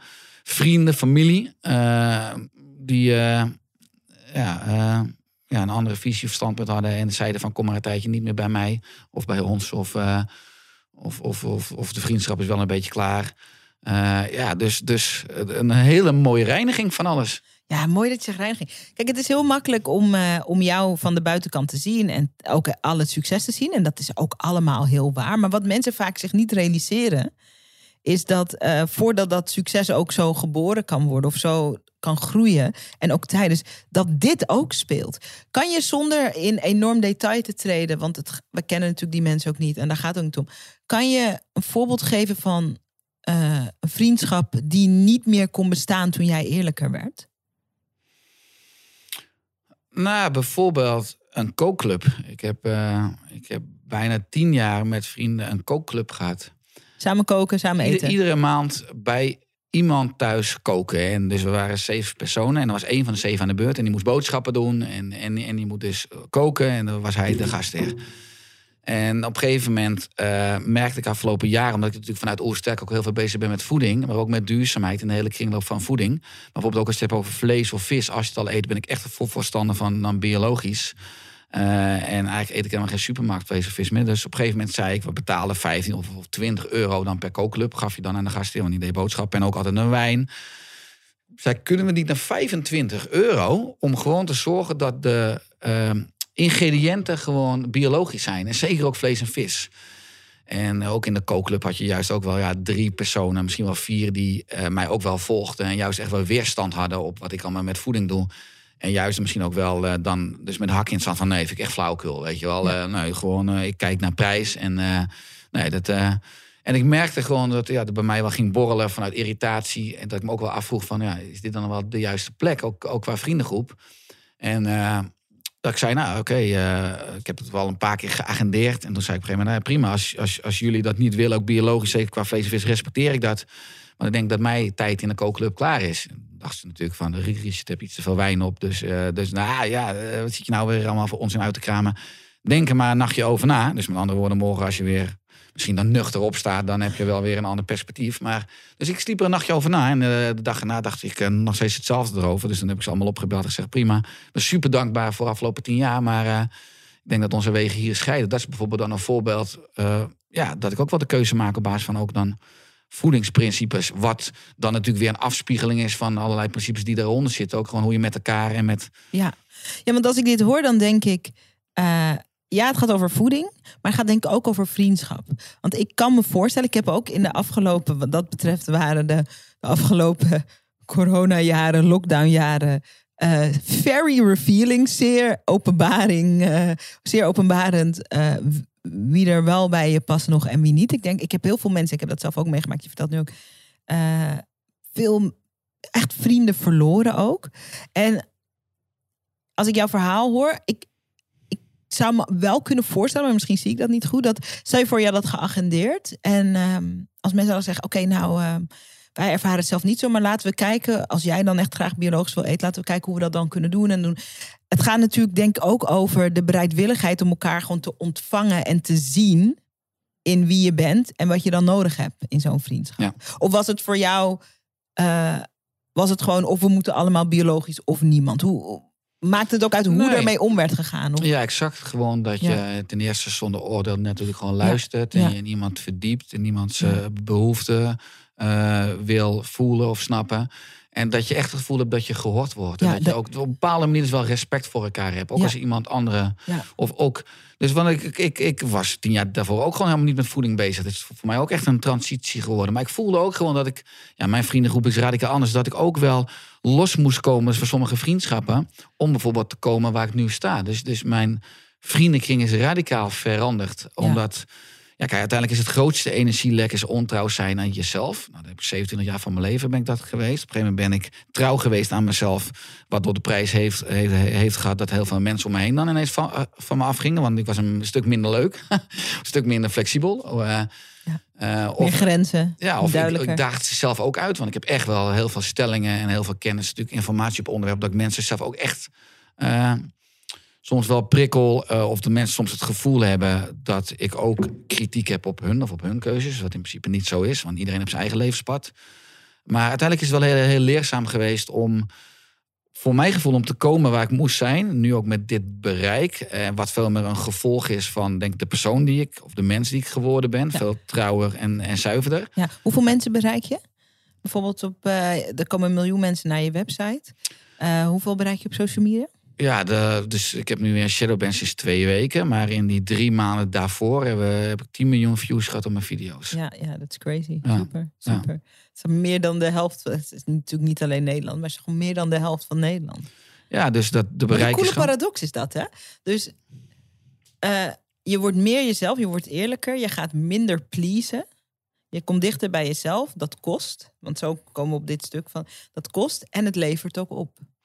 Ja, ik denk dus dat ik een extreem punt van vrijheid bereikt heb van...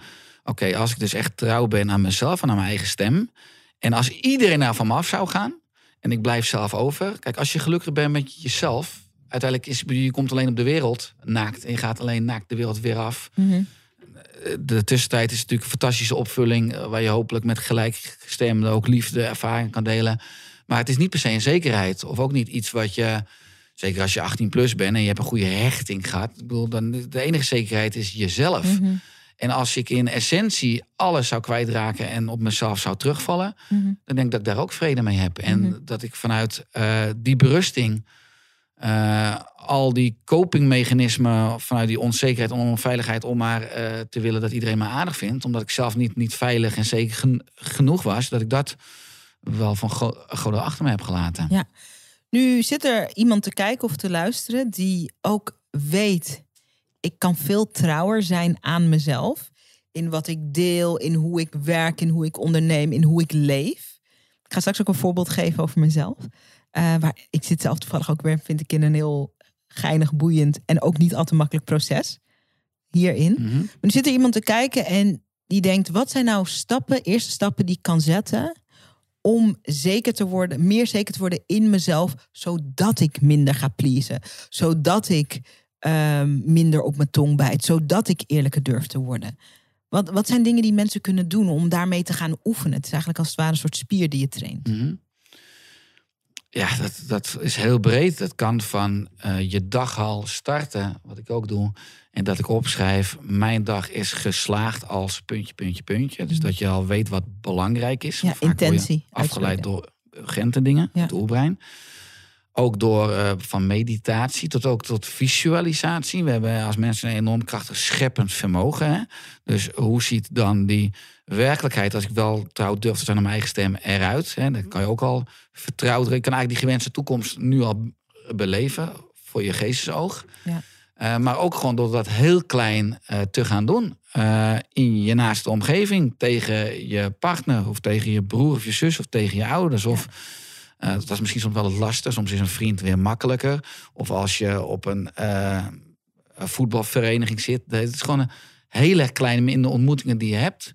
En continu na te gaan. Hé, hey, hoe voelt dit? En waar zit het discomfort? Want eigenlijk is het gewoon weer ja, het doorbreken, het openbreken van eh, ja, die oude conditionering. En Ja. transformatie betekent ook van vorm veranderen. Mhm. Ons lichaam is opgebouwd uit cellen. Wij veranderen iedere drie maanden. Iedere drie, over drie maanden is er weer een nieuwe huls. Als ik hier weer op die stoel zou zitten, zit er weer een andere Richard, letterlijk. Omdat weer- Volledig.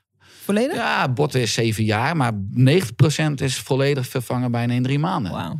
Dus, dus we zijn continu, verandering is de enige zekerheid. Dus het is ook een illusie dat, dat, dat, dat je hetzelfde kan blijven. We zitten in die rivier van verandering. Dus als je daar ook een beetje aan overgeeft, de evolutie is ook een beetje dat het altijd beter wordt. Ja, ja. Dus Als je ook daarop vertrouwt. vertrouwen hebben en overgave. Want Ja. dat is natuurlijk een beetje het interessante. Dan vind ik het leuk om jouw verhaal te horen. Ik had een keer een afspraak bij professor Paul de Bloo op Nijrode. Die schreef het voorwoord in mijn, de- mijn derde boek. Helaas een paar jaar geleden overleden.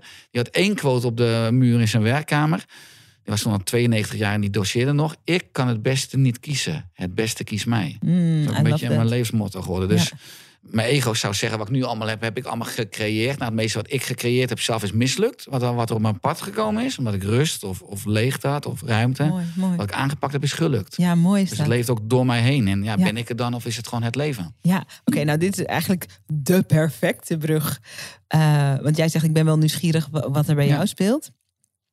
Ik zit voor mijn gevoel nu ook in een totaal eh, creatief nieuw proces. En ik heb echt het gevoel, ik ben ook een soort emo als ik erover praat. Nou, dat is ook. Ik heb echt het gevoel dat het iets is wat door mij heen wil ontstaan. En, ehm, en het gaat over liefde en het gaat over daten. En het gaat over, ehm, het gaat over je hart vrijmaken. En ik weet ook niet waarom er zo'n soort emo bovenop zit. Mijn hoofd zegt erover. Mijn hoofd zegt, eh, eh, wat een leuk speelproject. Ik heb even, even heel praktisch. Ik heb een, een cursus gemaakt over daten. Hartstikke leuk. Het allerleukste wat ik ooit gemaakt heb. Mijn hoofd zegt erover. Leuk speelproject voor, de zij, voor erbij. Dat zegt mijn hoofd. Mijn hoofd zegt ook van. eh, is misschien wel verwarrend, want eh, je hebt een bedrijf en dat gaat over zichtbaarheid. En je hebt een podcast en dat gaat over ondernemen en zichtbaarheid. En je hebt een opleiding, die heet Video Business School, en dat gaat over video en zichtbaarheid in ondernemen. Dus mijn brein vindt er echt van alles van. Hè?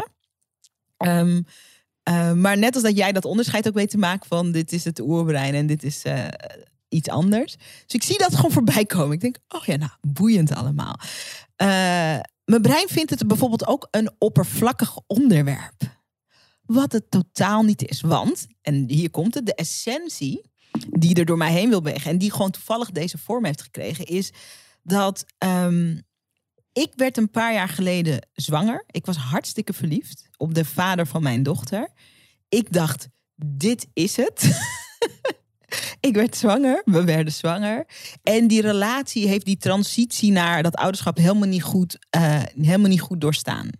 En de relatie brak eigenlijk. En ehm, wat er is ontstaan, en dat is een heel lang verhaal, uh, met heel veel innerlijk werk. Uh, en met een hele nieuwe definitie van de liefde. Is dat wij zijn eigenlijk uh, betere en fijnere co-ouders dan dat we bijvoorbeeld ooit in de relatie waren. Ik vind ons hartstikke goede ouders. De vader van mijn dochter heeft een nieuwe vriendin. Of nou ja, heeft, dit gaat natuurlijk, heeft een vriendin. Ik kan het ook mega goed. Uh, ik heb heel veel respect voor haar. Um, en die ervaring en het diepe level van uh, mijn hart vrijmaken en vergeving. Dat heeft echt mijn hele leven veranderd. Alles. En ik voel gewoon, ik wil dat doorgeven. Als mensen ons nu soms zien, dan denken ze dat de vader van mijn dochter en ik soort vrienden waren die dan een kind hadden gekregen. En wat leuk dat jullie allemaal zo goed met elkaar omgaan en prima. Maar het is echt, Richard, het is echt een levenswerk van liefde. En ik ben zo diep gegaan en alles wat ik dacht over de liefde, uh, alles onderzocht. Is het wel zo? Is liefde dit wel? Is liefde dit niet? Is wat is vergeving? Um, als je echt van iemand houdt, kan je dan ook van iemand houden als die gelukkig is met iemand anders? Kan je nog van iemand houden als je je verlaten of verraden? Het hele spectrum. En ja, ik wil echt zoveel zeggen. Ik voel me zo jong. Ik ben 40. Ik voel me jonger dan toen ik 20, omdat mijn hart vrij is. En waar dat het leukste vorming krijgt, is in het daten. Als ik met iemand op date ga. Dan voel ik van, ik heb echt een enorme bak bagage eigenlijk. Uh, scheiding, als om het zo maar te noemen. Seksueel geweld ook in mijn verleden. Maar ik heb het gevoel dat die bak bagage geen invloed heeft op mijn huidige nu. Of geen negatieve invloed is mhm. natuurlijk. En, en dat krijgt, dat voel ik het meest als ik nieuwe mensen ontmoet. En date is gewoon een hele leuke specifieke versie van nieuwe mensen ontmoeten. Dat speelveld. Ja, dat speelveld. Ik vind veel vrouwen haten daten. En ik zeg, daten is een arena van zelfexpressie. Een arena, ook als het een slechte date is. Waarin je zoveel liefde kan ervaren. Waarin je zoveel onderzoek. En ik wil dat de wereld dat weet. Nou, dit zit er dus allemaal onder. Mhm. het voelt voor mij echt als een cadeau wat ik te geven heb. Ik wil dat mijn dochter, die is nu vier. Als mijn dochter 18 is, wil ik ook dat ze het programma doet de cursus. Ik wil dat ze dit leert. Mhm. En, um, maar ik moet als het ware me weer helemaal opnieuw leren uitspreken. Want dit gaat over zulke diepe dingen. Het gaat ook over, het gaat over seks. Het gaat over. En op zo'n niet oppervlakkige manier. Nee, jezelf letterlijk blootgeven. Ja, en ik vind dat gewoon. Ik, heb, ik vind dat gewoon ook spannend. Dus maar dat is jouw oerbrein. Ja, ja. mijn oerbrein zegt ook. En, en zeker ook omdat uh, je kan als vrouw heel makkelijk in de hoek komen. Ik hou van daten. Ik vind het leuk om met verschillende mannen te daten.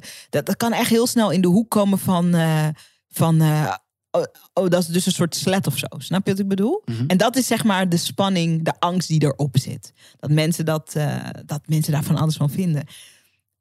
En tegelijkertijd is de uitnodiging... Ja, maar wat ik te vertellen heb, net als wat jij met de gezondheid hebt dit is zoiets wezenlijks. De wereld moet weten dat je ook op deze manier in de liefde kan staan. Mhm.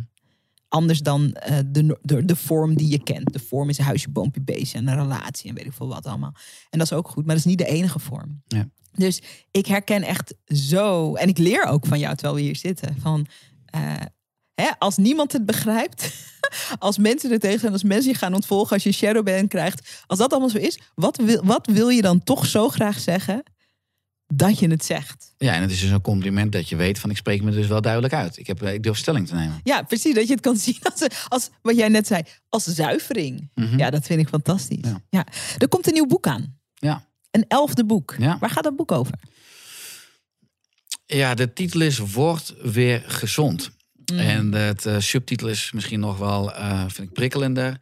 Reddingsplan voor de moderne verzwakte mens. Dus ik, ik, ik voel me ook echt een, nou, messias is wat overdreven. Maar als ik kijk wereldwijd, het gaat natuurlijk eh, ja, heel slecht met de mensheid. Vanuit dat perspectief. We worden dikker, we worden zieker, we worden zwakker, we worden dommer. Alle lijnen zijn... Worden we dommer, ja? Ja, ik u aan het afnemen, ja. Oh ja, hoe komt dat? Ja, dat heeft, als, je, ja, als ik dan weer heel erg praktisch plat sla naar... Ik heb natuurlijk oersterk, de O van ontspanning, de E van eten... de R van regelmatige beweging en is van mindset en zingeving. We eten veel te, weinig omega-3. Onder andere uit groene bladgroens, maar ook vis. Dus ons, ons brein, ons letterlijk is aan het krimpen. Beweging is belangrijk voor neuroplasticiteit, uitgroei van zenuwbanen. En we hebben veel te veel inactiviteit. En te veel naar schermpjes kijken. Dat heeft ook een toxisch effect op zenuwcellen, waardoor ze afsterven. Dus eigenlijk de combinatie van te weinig omega-3 vetzuren, te veel suiker, te veel stilzitten, te weinig sporten, beweging. En te veel schermpjes en te weinig in de natuur. Nou, dat zorgt ervoor dat ons brein gewoon devolutie en weer aan het afbreken is. Ja. Ja, en dus dat met het nieuwe boek wil ik gewoon die informatie geven. Eigenlijk dat handboek die we allemaal zouden moeten krijgen als we in deze moderne, onnatuurlijke maatschappij geboren worden. Maar die handleiding hebben we niet gehad. Hè. Je krijgt bij alles een handleiding. Als je bij de IKEA een kast koopt, als je een auto, overal een handleiding. Maar mensen kennen over het algemeen de gebruikshandleiding van hun telefoon beter dan van hun eigen lichaam. En daarom plegen we allemaal onbewust zelfmoord in slow motion. Maken we iedere dag keuzes tegen onze genen in. En ons lijf is enorm sterk en flexibel. Compenseert vaak 10, 15 jaar. En dan zijn we ineens chronisch ziek. Nou, nu 10,2 miljoen mensen chronisch ziek. Jeetje. Dus ja, meer dan de helft. Meer dan de helft van de mensen is te dik in Nederland. En dat komt en dan gaan mensen helaas pas in actie komen. Want als je, je beseft de waarde van gezondheid, meestal pas met alles als je het kwijt bent. Ja, ja, ja. ja. En uh, ja, dus daar mensen de juiste kennis over geven. De juiste praktische handvatten, maar ook veel flauwe grappen, wat ik in alles tracht. Uh, ja, dat, dat komt ook weer als rode draad in het nieuwe boek. Dus eigenlijk weer een beetje, het gaat weer een longseller worden. Dus Wat is dat? Wat is een longseller? Maar ik heb eigenlijk bestsellers die gewoon gedurende jaren een enorm goed blijven verkopen. Dit Oh ja. boek gaat echt wel weer vijf jaar mee. Maar ik heb allerlei eerdere boeken, dus laat ik nu allemaal uitverkopen. Dus een stuk of vijf, zes, eh, zodat eh, die niet meer leverbaar zijn. En dit wordt weer het boek met de nieuwste wetenschappelijke inzichten, die dus nu weer in ieder geval drie jaar. Ja. Oh ja, interesting. Ja. Interesting. Hey, en dat boek dat komt straks uit. Mhm. Ehm, wij kunnen dat dan allemaal kopen hier in Nederland. Eh, maar jij bent dan niet in Nederland, want jij gaat eh, bijna een jaar met je familie eh, naar Mallorca. ja, Wat ga je doen? ja, dat vraagt iedereen. Ik, heb, ik weet het nog niet.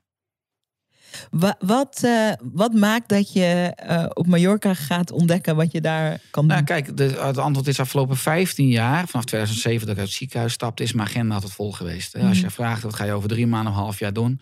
Mijn agenda is altijd volgeblokt met leuke dingen. En vaak vind ik het dus niet meer leuk, omdat ik ook een vrije vogel ben. En als ik mijn agenda volgeblokt is met leuke dingen, vind ik het niet leuk. Dan voel ik me een soort gevangen, ook wel een soort gouden kooi. Eh, ik word over nou anderhalve maand word ik 40. hè. Ik, Ik ben net 40 geworden. Daarom, ja? dus ja. eh, mooi bouwjaar. En ik vond voor mezelf weer een heel mooi reflectiemoment om ook eens even terug te kijken. Alles waarvan ik gedroomd heb is werkelijkheid geworden. Mm. Nou, wat, wat je schetst aan de ene kant heb ik ook drie bedrijven, drie teams. is ook soms zo'n monster. Dat ik denk, wow, wat heb ik nou gecreëerd? Er Veel al- verantwoordelijkheid. Ja. Al die mensen die. er is altijd wat op kantoor. Hey Ries, heb je even? En eh, ja, ik wil eigenlijk weer die, even die leegte opzoeken, ook met mijn gezin. Omdat ik afgelopen jaar ook echt wel offers heb gemaakt. Veel avonden, weekenden weg, congressen, beurzen, lezingen. Ik was altijd op route om ook gewoon het leefstijlplatform op te bouwen. En eigenlijk nu ook weer eventjes eh, ja, contact te maken, vooral met mezelf, eh, met de natuur en ook met mijn gezin. Omdat nogmaals het beste kies mij. En ik wil eigenlijk nu weer weten, een beetje weer een, een oproep aan het leven. Wat, ma- wat mag ik nu verder gaan Wat mag, ja, wat mag er ontvouwen, wat mag er Ja. ontstaan. Mooi vind ik dat. Leuk. Hoe oud zijn je, hoe oud zijn je jongens? Ik heb twee zoons, Noah van 12 en James is drie jaar. 12 en 3. Hoe, ehm, hoe, nou ja, die van drie, die weet denk ik niet. Nee. Maar je, je zoon van 12, hoe, hoe is het voor hem? Is dat spannend voor hem? Om, eh, Ja, hoe ga je dat doen met school bijvoorbeeld? Nee, groep 8 heeft, die is hij nu klaar. Ja? Zij gaat nu naar de middelbare school, eh, naar de brugklas. En eh, zijn middelbare school geeft al zijn materiaal, boeken gewoon mee. Dus hij kan daar gewoon eh, homeschooling. Mijn vrouw is oorspronkelijk leerkracht. Oh, gewoon ja, daar leuk. ja. het onderwijs gaan doen. Oh, wat goed. Hij begint wel de eerste twee weken nog op school hier. En dan gaan we natuurlijk naar Mallorca toe. Ja, in eerste instantie, hij lijkt heel erg op mij. Dat zeggen mensen ook vaak, als je, als je ons ziet, we lijken heel erg op elkaar. Ook qua psychologie lijkt hij soms wel op mij. Dat ik soms ook denk dat hij bepaalde angsten of onzekerheden heeft... waarvan ik denk, ah, balen. Ik dacht dat ik ze uitgewerkt had en niet aan hem had doorgegeven. Dus ook Mm. mooi weer als spiegel. Maar Hm. hij vond het heel spannend. Hij wilde eigenlijk niet. Maar hij, we waren nog nooit op Mallorca geweest. Zei ik, eh, dus Noah, ik zei Noah, prima. Als jij niet wil, maar we zitten eigenlijk met z'n drieën. James vindt het prima, de jongste, gaat komen with the flow. Maar als je echt niet, niet wil, dan gaan we niet. Want we willen niet dat je ongelukkig bent daar. We willen met z'n allen daar juist iets beleven, iets opbouwen. Mm. Dus, maar laten we dan met z'n tweeën, zei ik tegen hem, vier dagen naar Mallorca gaan. Dan kan je het eiland ervaren. Wat leuk, ken wat ook wat mensen gaan we daar langs en zie je ook Ja. gewoon een huis. En in dat geval een tuin of een zwembad en wat we. En eh, zie je een beetje hoe we straks gaan leven. En eh, toen zijn we vier, vier dagen op het eiland gaan toeren. En bij Real Mallorca hebben we dus de voetbalclub. Hebben we nu seizoenskaarten. En dan komt ook Barcelona, Real Madrid. Komen alle goede. Spaanse clubs. Wat leuk. Maar hij, we hebben het over dat eiland. Zei hij, jeetje, dat is eigenlijk wel heel erg leuk en tof en, en mooi. En eh, nou, dit wil ik wel. Als dit het is, dit, dit wil ik wel. Hij had er dus leuk. geen beeld bij Ja. in zijn hoofd. Het was eh, een groot spook. En toen zijn we daar dus vier dagen geweest. Zei hij, nee, dit, eh, prima, groen licht. Mo- moeten we doen. Ja. Noah heeft bepaald de familiekant naar Mallorca. Ja, uiteindelijk wel. Ik denk Ja. dat we uiteindelijk ben je ook weer één systeem. En als hij daar heel ongelukkig is, en dan kun- kan je zelf ook van minder gelukkig zijn. Ik wil daar hem met hem ook dingen beleven, surfen, duiken, hiken. eh, Ja. wat-. Maar ik vind het leuk, want er zijn natuurlijk ook tal van ouders, en dat is ook prima, het is gewoon een andere aanpak, Ja. die zeggen niet zeiken, we gaan gewoon naartoe, komt wel goed. Ja. Ik vind het heel leuk dat je, eh, eh, en dat is denk ik ook wel een mooi thema, we hebben het veel over je stem laten horen, maar de andere, de keerzijde van die medaille is natuurlijk ook iemand kunnen horen. Horen en gehoord Ja. worden. Begrijpen en begrepen worden. Dus dat, dat, ik vind dat mooi. Ik vind dat. Ja, ik denk dat ik als ik kijk naar mijn eigen thema. Ik heb ben eh, altijd wel allergie op autoriteit gehad. Dat is een de reden dat ik ondernemer ben geworden. Maar ook, ik vind het nog steeds heel erg soms grappig dat ik vader ben. En dat ik dus over kinderen kan beslissen wat ze moeten doen of moeten eten. Maar ook dat mensen soms naar mij kijken vanuit Oersterk. Dat, dat ik bepaal wat. eh, ik hou heel erg altijd van ooghoogte communiceren. En Mhm. eh, we zijn allemaal gelijkwaardig. En ook eigenlijk al met mijn kinderen hoe ik ze opvoed. Terwijl ik soms wel soms wat strenger moet zijn. Dat is wel mijn thema. Ik zeg, mevrouw, jeetje, laat gewoon met je zollen, joh. Kom op nou. Ik denk, ah, wacht even. Zijn, soms ben je, ben je niet altijd partners. nee, Maar dat moet ik dan soms nog wel leren, hoor. Ja, Ja, ja. leuk, maar mooi thema. Ja. Ik wil eh, het gesprek afsluiten nog even met eh, de hele letterlijke versie van je stem vinden. Ja. Je hebt al verteld hè, dat eh, je stotterde vroeger. Ehm, nou ja, nu zit je en nu kan je overal je stem laten horen. Enorme transitie. Weet jij ehm, waarom je stotterde als kind? Ja, mijn vader stottert. Mijn opa, die ik niet heb gekend, de led stotterde. Ze, ze zeggen dan natuurlijk, maar dat is ook natuurlijk een overtuiging of een suggestie... dat het eh, genetisch kan zijn, familiair. Zeker bij ons dan in de mannenlijn. Maar ik heb ook jaren gehad als je echt jong kind dat ik niet stotterde. Dus, Mhm. Maar ik kan me niet een inslag of een negatieve ervaring herinneren... waardoor ik, of iets waarvan ik geschrokken ben. Dat hoor je dan vaak. Heel typisch dat, dat, dat er echt iets met grote impact gebeurt. Dat, en dat de kinderen vanaf dan eh, stotteren. Nee, ik weet het niet. Het is heel Nee. geleidelijk gegaan. Nee. Het is wel zo dat als je stottert, dan schrik je ervan. Eh, en dan wil je niet stotteren. En hoe meer focus je natuurlijk gaat leggen op wat je niet wil, hoe meer het gaat doen. Dus Ja, dat is wel ja, natuurlijk. Ik heb, ik heb mijn hele leven wel mijn eigen kuil gegraven. Ja. Ja. Kan je, hoe oud was je toen je eigenlijk voor het eerst realiseerde? Want je zegt, ik heb ook jaren niet gestotterd. Dat je stotterde. Ja, dat is ook interessant, want ik denk dat voor een kind misschien helemaal geen probleem is. Maar ik werd er ook uit de klas gehaald, in groep 3 en 4 al. Want dat Oh, wordt, ja. dat merkt de leerkracht. En dan moet je naar logopedie af op, op de basisschool. Dus voor mijn gevoel is het ook voor een grote domme omgeving tot een probleem bestempeld. Dat ik dus afwijkend was. Ik had het zelf misschien nog ineens zo in de gaten. Ja, ja, ja. En als je wat ouder wordt, gaan kinderen er natuurlijk wel grappen over maken. Ik ben wel, wel, wel, wel gepest natuurlijk, omdat het soms ook heel grappig is als je echt blijft stotteren. Ik vind, kan zelf ook wel de grap waarderen. Ik was, werd een paar jaar geleden uitgenodigd om eh, op de Nederlandse Stotvereniging eh, te gaan praten, een presentatie te geven. En dat was toen eh Sanne Miss Montviol, hè, die stond ja. natuurlijk ook. En de andere. En wat ik dan echt grappig vind, zo'n middag heeft geen eindtijd. Maar je weet natuurlijk niet wanneer mensen klaar zijn met praten, omdat iedereen stottert. Dat vind ik echt, daar kan ik echt om lachen. Ook als ik vroeger een presentatie gaf in de geneeskunde, dan vond ik verschrikkelijk. Ik lag al een week met zweetoksels. Bijvoorbeeld, ik moest ook een presentatie geven over de pancreas, over de alvleesklier. Dan was ik echt... Mensen konden een kop koffie halen en terugkomen. En ik was nog bezig. Maar Met zo klem zat ik. Dus heel Ja, ja. vaak zeiden begeleiders of groep ook... Richard, stop even alsjeblieft. Ga even ademhalen. Neem een glas water. Want mijn toehoorders staat ook helemaal verkrampt te kijken. Want als je zelf zo vast zit in... eh, Ja.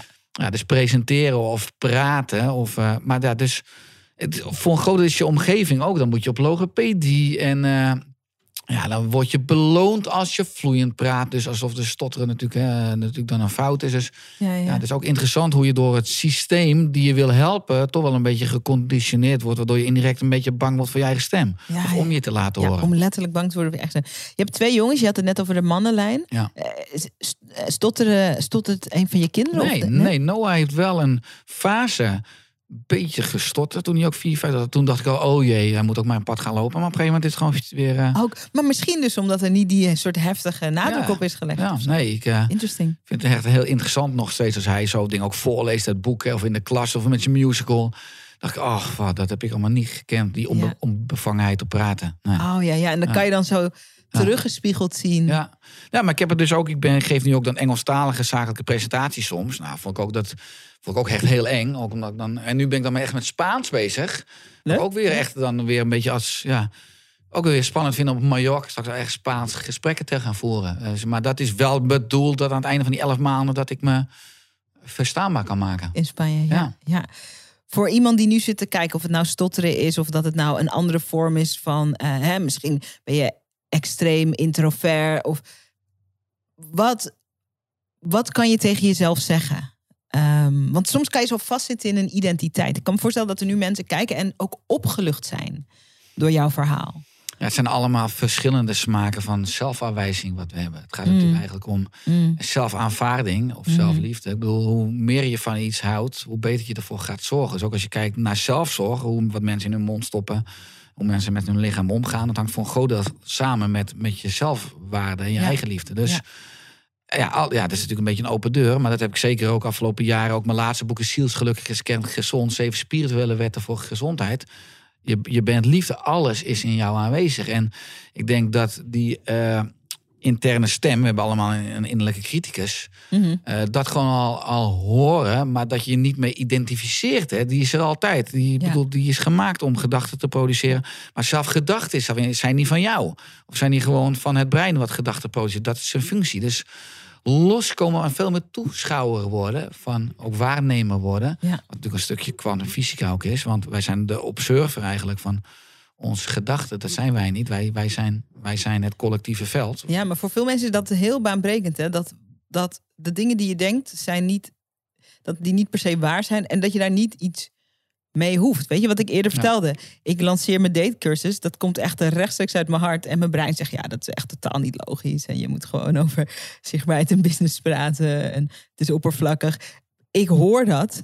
I don't think it's true. Mhm. Anders lanceer ik die cursus Ja. natuurlijk niet. Snap je? Ja, die stemmetje heb ik ook. En dan kan Ja. ik ook gewoon half. Ik kan er inmiddels om lachen. Dan denk ik, oh, daar heb je die weer. Oh, daar heb je die weer. Ja. dus eigenlijk wat je zegt, dus voor mensen die nu zitten te kijken en ehm, die zich op een bepaalde manier echt nog geblokkeerd voelen, dat kan dus ook fysiek zijn, kan op een andere manier zijn, om zich uit te spreken, ehm, veel meer gaan aanschouwen wat de gedachten Ja. zijn en don't take it too seriously.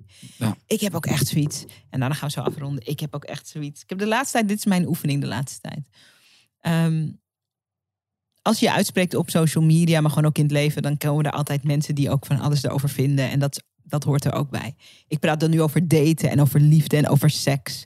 En dat zijn ook topics waar mensen veel emotie bij ervaren.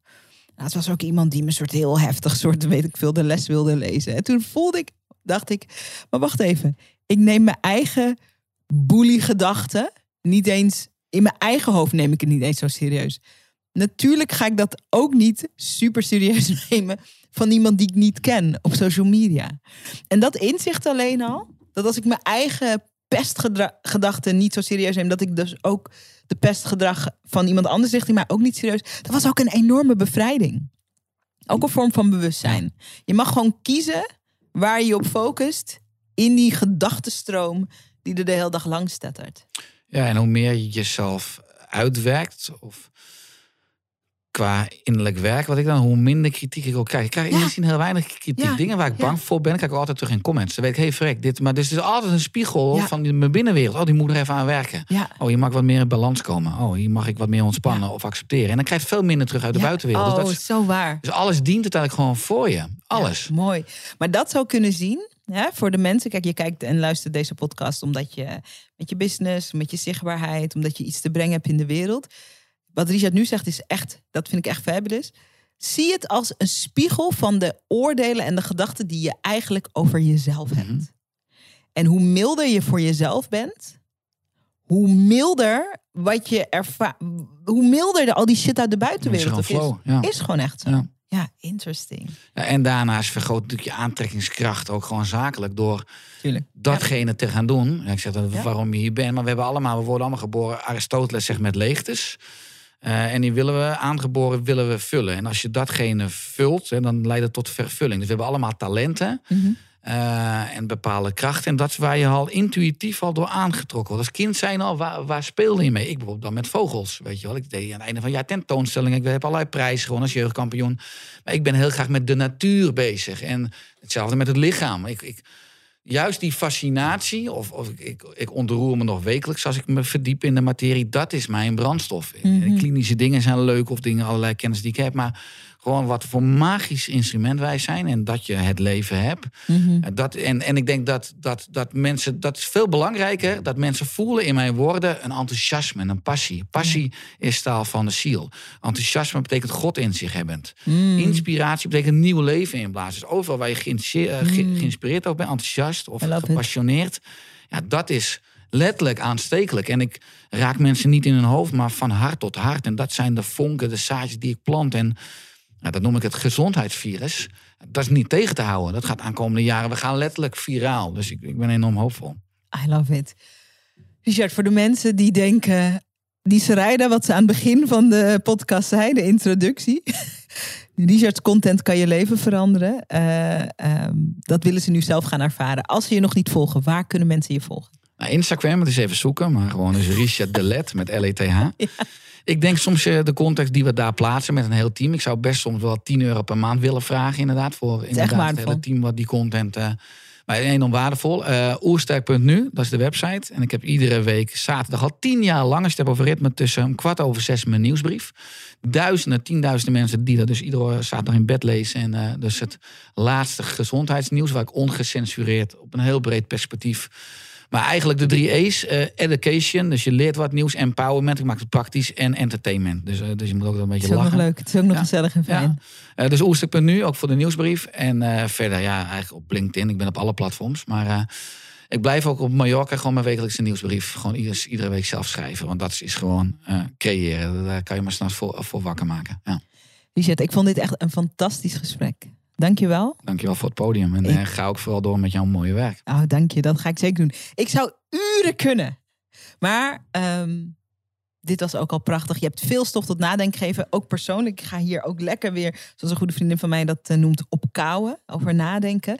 En eh, kom nadat je in Mallorca bent geweest, kom terug om te vertellen wat zich daar heeft aangediend op dat eiland. Ga ik doen. Leuk. Ja. Ik kijk ernaar uit. Mooi. Dank voor het kijken, dank voor het luisteren. Ehm, ik vind het een eer om deze podcast te mogen maken. Ik mag prachtige gasten ontvangen. En ik vind het leuk om van je te horen. eh, wat is nou het nummer één inzicht wat je uit dit mooie gesprek met Richard hebt gehaald? Laat het ons weten op Instagram. Eh, tag mij. Probeer Richard ook te taggen. Dat kan soms wel, dat Of kan soms niet. oersterk, dat kan Of wel. tag Oersterk.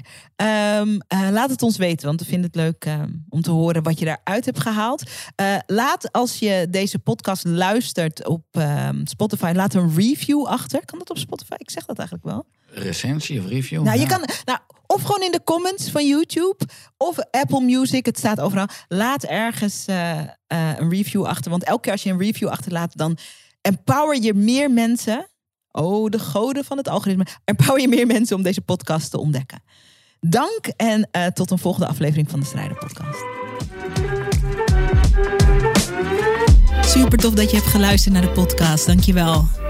Hey, en als je een mooi inzicht hebt of iets wat je even met me wilt delen naar aanleiding van de podcast, check me op Instagram. Ik heet daar Zaraida Groenhart. En laat even een berichtje achter met wat je uit deze podcast hebt gehaald. Ik vind het altijd leuk om met je te connecten. Zie ik je daar?